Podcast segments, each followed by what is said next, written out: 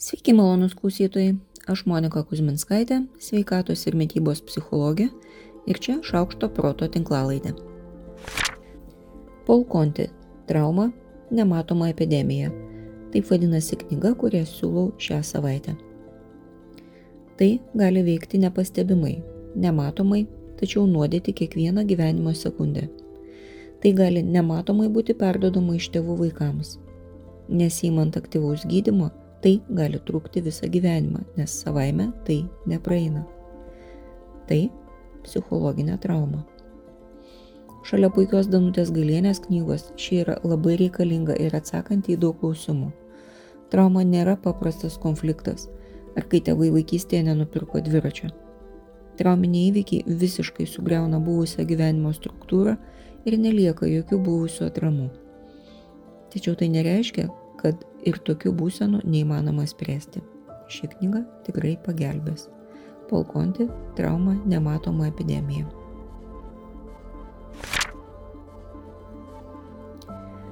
O tai kur čia mytyboje psichologija? Aha. Jeigu atsakyti trumpai, visur. Įpročiai, pasirinkimai, labai norisi, norai, šventės, dovanos, bausmės, bežodžiai jausmų prisipažinimai, įvaizdis, laimė ir serotoninas, tai kas skanu, tai kas veika ir tai kas ant bangos. Mytyba, ko gero, yra labiau apie psichologiją negu apie fiziologiją. Tai, ką dažniausiai valgome, yra ne tai, ką organizmas kabutėse išrašo lyg receptą pagal tai, ko jam reikia šiuo metu. Nors labai, labai dažnai tuo teisinamas koks nors kabutėse energijos poreikis, nes norisi ko nors saldaus smegenims. Žymiai dažniau tai yra tiesiog tai, ką esam įpratę valgyti. O įpročiai yra tikroji psichologijos pieva. Kaip ir kodėl turime būtent tokius įpročius diktuoja kultūra, šeimos tradicijos, mūsų pačių gyvenimo reikšmingi įvykiai, maisto teikiama reikšmė lyginant su, kitomis veiklomis, Maisto ir valgymui būdinga aplinka ir aplinkiniai ir dar daug kitų asmeniškų veiksnių. Beje, apie tai, kodėl esam pratę valgyti būtent taip, dažniausiai negalvojam. Jeigu renkamės iš keletų galimų pasirinkimų, ir pats sprendimo prieimimas irgi yra psichologijos ryties reiškinys, tai galutinį sprendimą nulėmė nuomonės ir nuostatos. Aplinka, kebabų kioskelis gatvėje ar itališkas restoranas su balta grakmolytė staltiese. Valgymui skirtas laikas, jūsų nuomonė apie būsimą aplinkinių žmonių jūsų pasirinkimo vertinimą. Tame tarpe yra ar jis jums svarbus iš viso. Žinios apie mytybos procesus, maistą ir jo vertę. Na, pavyzdžiui, kad nevalgant glitimo oda taps gražesnė. Automatiškai kylančios mintis, tokios kaip jeigu dabar nepavalgysiu, man bus labai silpna. Sprendimui skirtas laikas. Sprendimas nesirinkti iš vis arba rinktis visą laiką tą patį irgi yra sprendimas. Maistas gali būti svarbių gerovės simbolių ir ženklų. Čia galim pagalvoti apie kalėdinę žąsį, e, sekmadienio blynus, kavą su draugėmis, gimtadienio tortą. E, tai gali tapti ir visam gyvenimui užstrigusią bausmę, kaip pavyzdžiui plevelė ant aukštančios kakavos. Ypatingo dėmesio ar įvaizdžio ženklų, pavyzdžiui, nuo mamos virtinukų ar valentino šokolado iki desertų su tikrais deimantais. Ypač ryškiai atmintyje įsirėžia vaikystėje svarbus maistas, kurį tyčia ar nejučiamis paverčiame savo komforto ar bausmės maistu sunkiomis akimirkomis.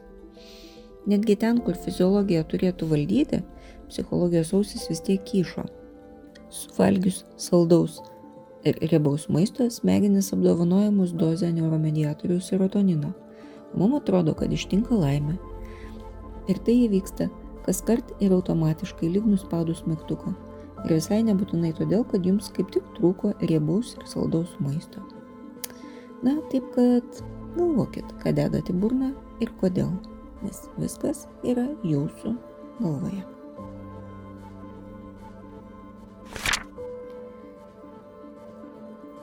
Noriu pasidalinti dar vieną knygą. Jos autoriai Ryan Eisler ir Douglas Fry. Ji vadinasi Nurturing Our Humanity – How Domination and Partnership Shape Our Brains, Lives and Future. Šią knygą radau skaitydama vieną tyrimą E, taip, nesekmadienis knyga angliškoje lietuviškai nėra išversta, bet vis tiek noriu ją parekomenduoti. Šiaip retai verkiu skaitydama mokslinės knygas, bet nu, kartais tenka. Vadinasi, savo traumas dar neužgydėme. Aš arba mes. Mes nesame iš prigimties linkę į savanaudiškumą, agresiją, karą ir godumą. Tačiau įgyvename sunkiais laikais, tai tampa adaptyviu elgesiu, kurio mokomės kiekvieną akimirką. Kažkada gelbėjusios elgesio formos lieka visuomenėje, bendruomenėje, šeimoje ir ilgų šleifų lydimus labai ilgai, gerokai po to, kai atstatėme paskutinį namą ir atsodinome paskutinį medį. Nebežinome kodėl, bet vis dar gyvename dominavimu ir jėga pagristuose autoritariniuose santykiuose. Barome savo vaikus, sakinėjame savo bendradarbiams, leidžiame drausminančius įstatymus ir vykdome bausmes, naikiname gyvūnus ir augalus. Ir toliau auginame vaikus, kurie mokosi dominuoti. Agresijos pasiekmes gydo daug kartų. Gyvenant taikoje ir ramybėje, įsivyrauja meilė supratimu, tolerancija, bendradarbiavimu, partnerystė pagristi santykiai. Ir čia visai nemenkai kyšo Marijos gimbutėnės darbų ausis. Ne, tai nėra hipiškos svajonės. Nuo seniausių matriarchalinių genčių iki modernios skandinaviškos visuomenės turim tikrai daug pavyzdžių, kai tai veikia ir veikia puikiai. Nors virsmas būna lydimas įvairių protestų, bet jis vis tiek įvyksta. Taika ir meilė laimi, nes jie yra palankesnė santvarka, nes jie nekovoja. Nesufleruosiu, aplink mus vyksta pakankamai daug tokių kabutėse kovų. Rinksiuos žiūrėti jas kaip į visuomenės gyjimo ženklą.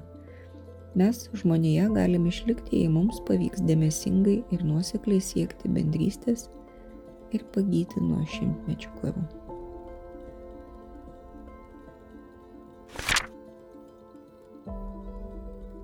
Ultra apdorotas maistas.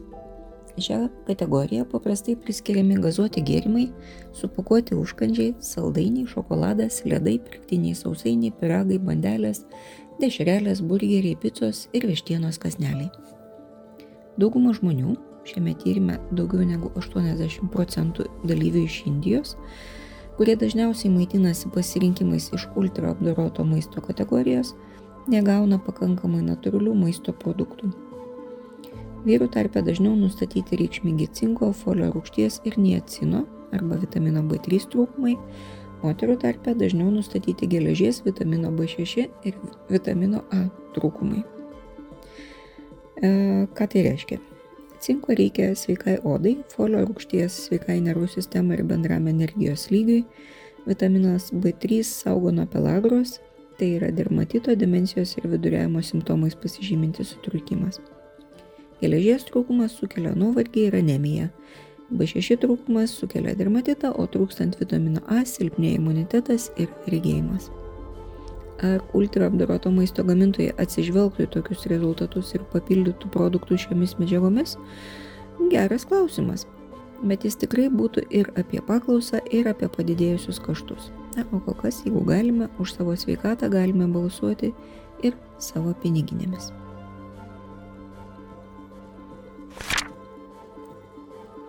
Aptikau įdomią savoką - kolektyvinis narcisizmas.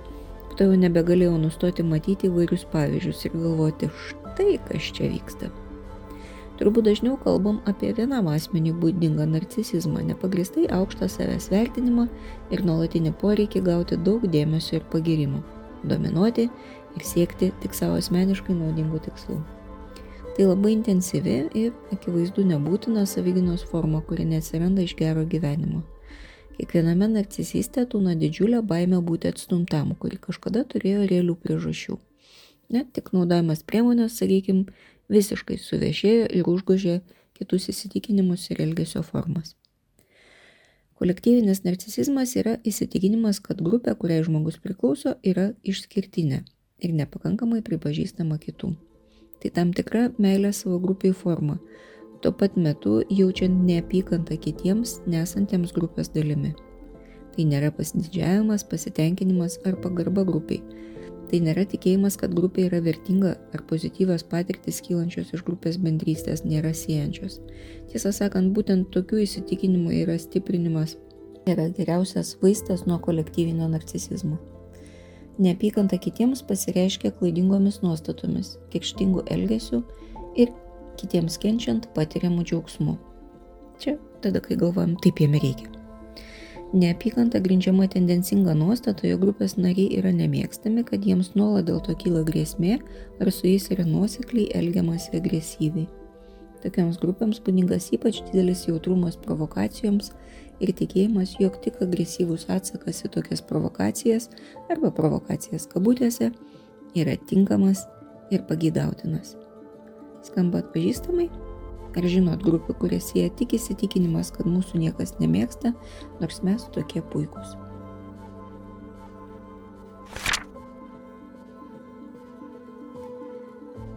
Vienas keistas dalykas, kurį išmokstame, yra, kad reikia būti švelniems, mandagiems, nutilėti, neįžeisti, pasitraukti. Ir iš dalies tai tiesa. Jeigu visi vieni ant kitų šauktumėm ir stumdytumėmės, būtų gana sunku gyventi grupėse. Bet juk tai ne vienintelis būdas. Minkštas ir pukuotas, rožinis ir cukruotas bendravimas neleidžia tiksliai ir laiku keistis reikalingą informaciją Minkšto ir pukuoto bendravimo kaina yra nutilėtos ir besikartojančios nuoskaudos, neišsakyti ir visiškai ignoruojami lūkesčiai, neįgyvendinti planai, užmiršti ir dulkantis tikslai, nenubrėžtos ir nepalaikomos ribos, nuolat pažeidžiamos ir nuodėjamos asmeninės erdvės ir fizinės, ir psichologinės. Ir kai viską sudedi į vieną vietą, tikrai netrodo mažai. Todėl kviečiu imtis labai savo ir kitiems reikalingo darbo. Skirkite tam savo užrašuose puslapį ir viename stulpelėje fiksuokite savo pačių tariamų ar jums skiriamų minkštų ir puguotų frazių sąrašą. Na pavyzdžiui, taip žinoma, galėsiu pažiūrėti tavo šunį.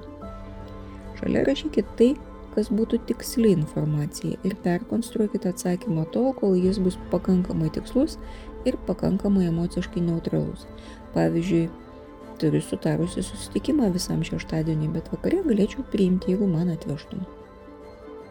Nenaudokit jokių nereikalingų atsiprašymų, nemeluokit, e, neįviniokit visko į kalties jausmą, tiesiog pasakykit informaciją. Jeigu tiesiai taip nepavyksta, kyla daug vidinio pasipriešinimo, tada siūlau paruošiamą įpratimą. Užrašykite visus, kiek kuo objektyviau galite suformuluoti minkštų ir pukuotų frazių privalumus ir trūkumus.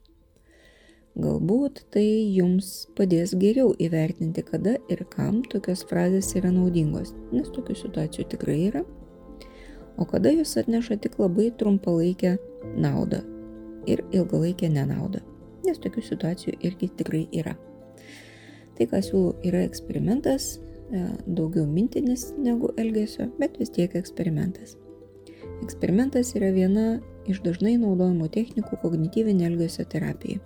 Eksperimentas yra skirtas patikrinti įsitikinimo teisingumui. Įsitikinimai yra saliginai tvirti, bet nebūtinai teisingi sprendimai, kuriuos naudojam nekritiškai, nebetikrindami kiekvieną kartą jų teisingumą. Klaidingi įsitikinimai gali metų metais mus vesti neteisingų kelių, taip ir nesuprantant, kas su manim, ar su kitais, ar su pasauliu yra negerai. Eksperimentas leidžia atpažinti klaidas įsitikinime ir stovint akistatoje su nauja informacija, jį pataisyti ir perkonstruoti iš naujo. Tai jeigu eksperimentuojate, pasidalinkit prašau savo patyrimais. Bus labai įdomu ir visiems naudinga. Šiai savaitė tiek. Aš Monika Kuzminskaitė, sveikatos ir mytybos psichologė, padedu spręsti kasdienius ir sudėtingus elgesio, mąstymo ir emocijų klausimus. Prašau, skaitau paskaitas, teikiu psichologinės konsultacijas.